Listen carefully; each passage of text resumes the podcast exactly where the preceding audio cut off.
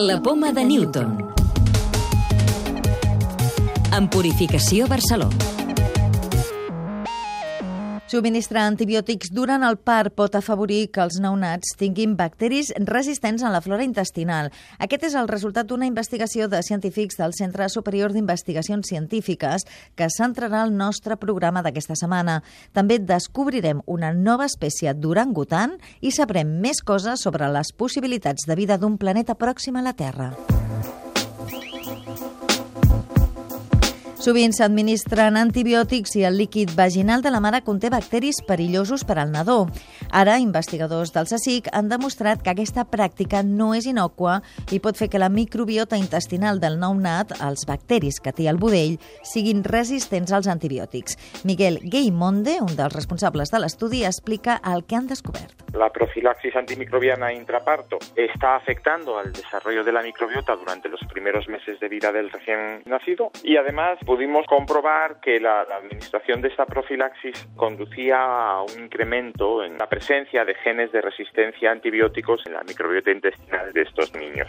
I encara que tenir bacteris resistents als antibiòtics a la flora intestinal no és perillós, sí que comporta riscos el fet que aquestes resistències puguin passar a altres microbis. El hecho de que porten genes de resistencia a antibióticos puede incrementar el riesgo de que estos genes se transfieran más adelante en la vida a microorganismos que sí son potencialmente peligrosos y que después pues nos encontremos con resistencias a antibióticos en ese grupo de microorganismos que sí son peligrosos.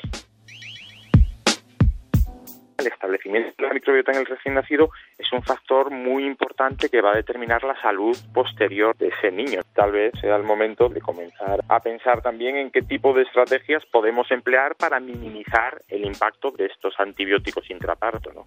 Estratègies com donar antibiòtics durant el part només si és estrictament necessari i, en aquest cas, subministrar suplements de probiòtics als nadons.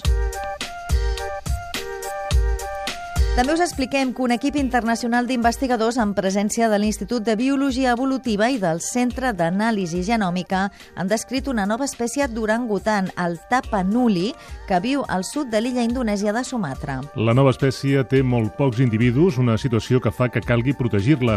Es tracta d'orangutans amb característiques diferents dels coneguts fins ara, com explica l'investigador d'ICREA, Tomàs Marquès, un dels responsables de la recerca. Genèticament són distingibles. Morfològicament també són distingibles. Aquest animal és lleugerament més petit, lleugerament més àgil, és menys robust i, per últim, la manera d'aparellar-se i les crides entre ells també són diferents. El telescopi espacial Hubble ha descobert l'estrella més llunyana detectada fins ara. El descobriment l'han fet científics nord-americans amb la col·laboració del CSIC, la detecció ha estat possible gràcies a l'efecte de lent gravitacional, un fenomen que fa que la gravetat i la llum, que generen cúmuls de galàxies massives, actuïn com una lent gegantina i permetin veure objectes molt llunyans.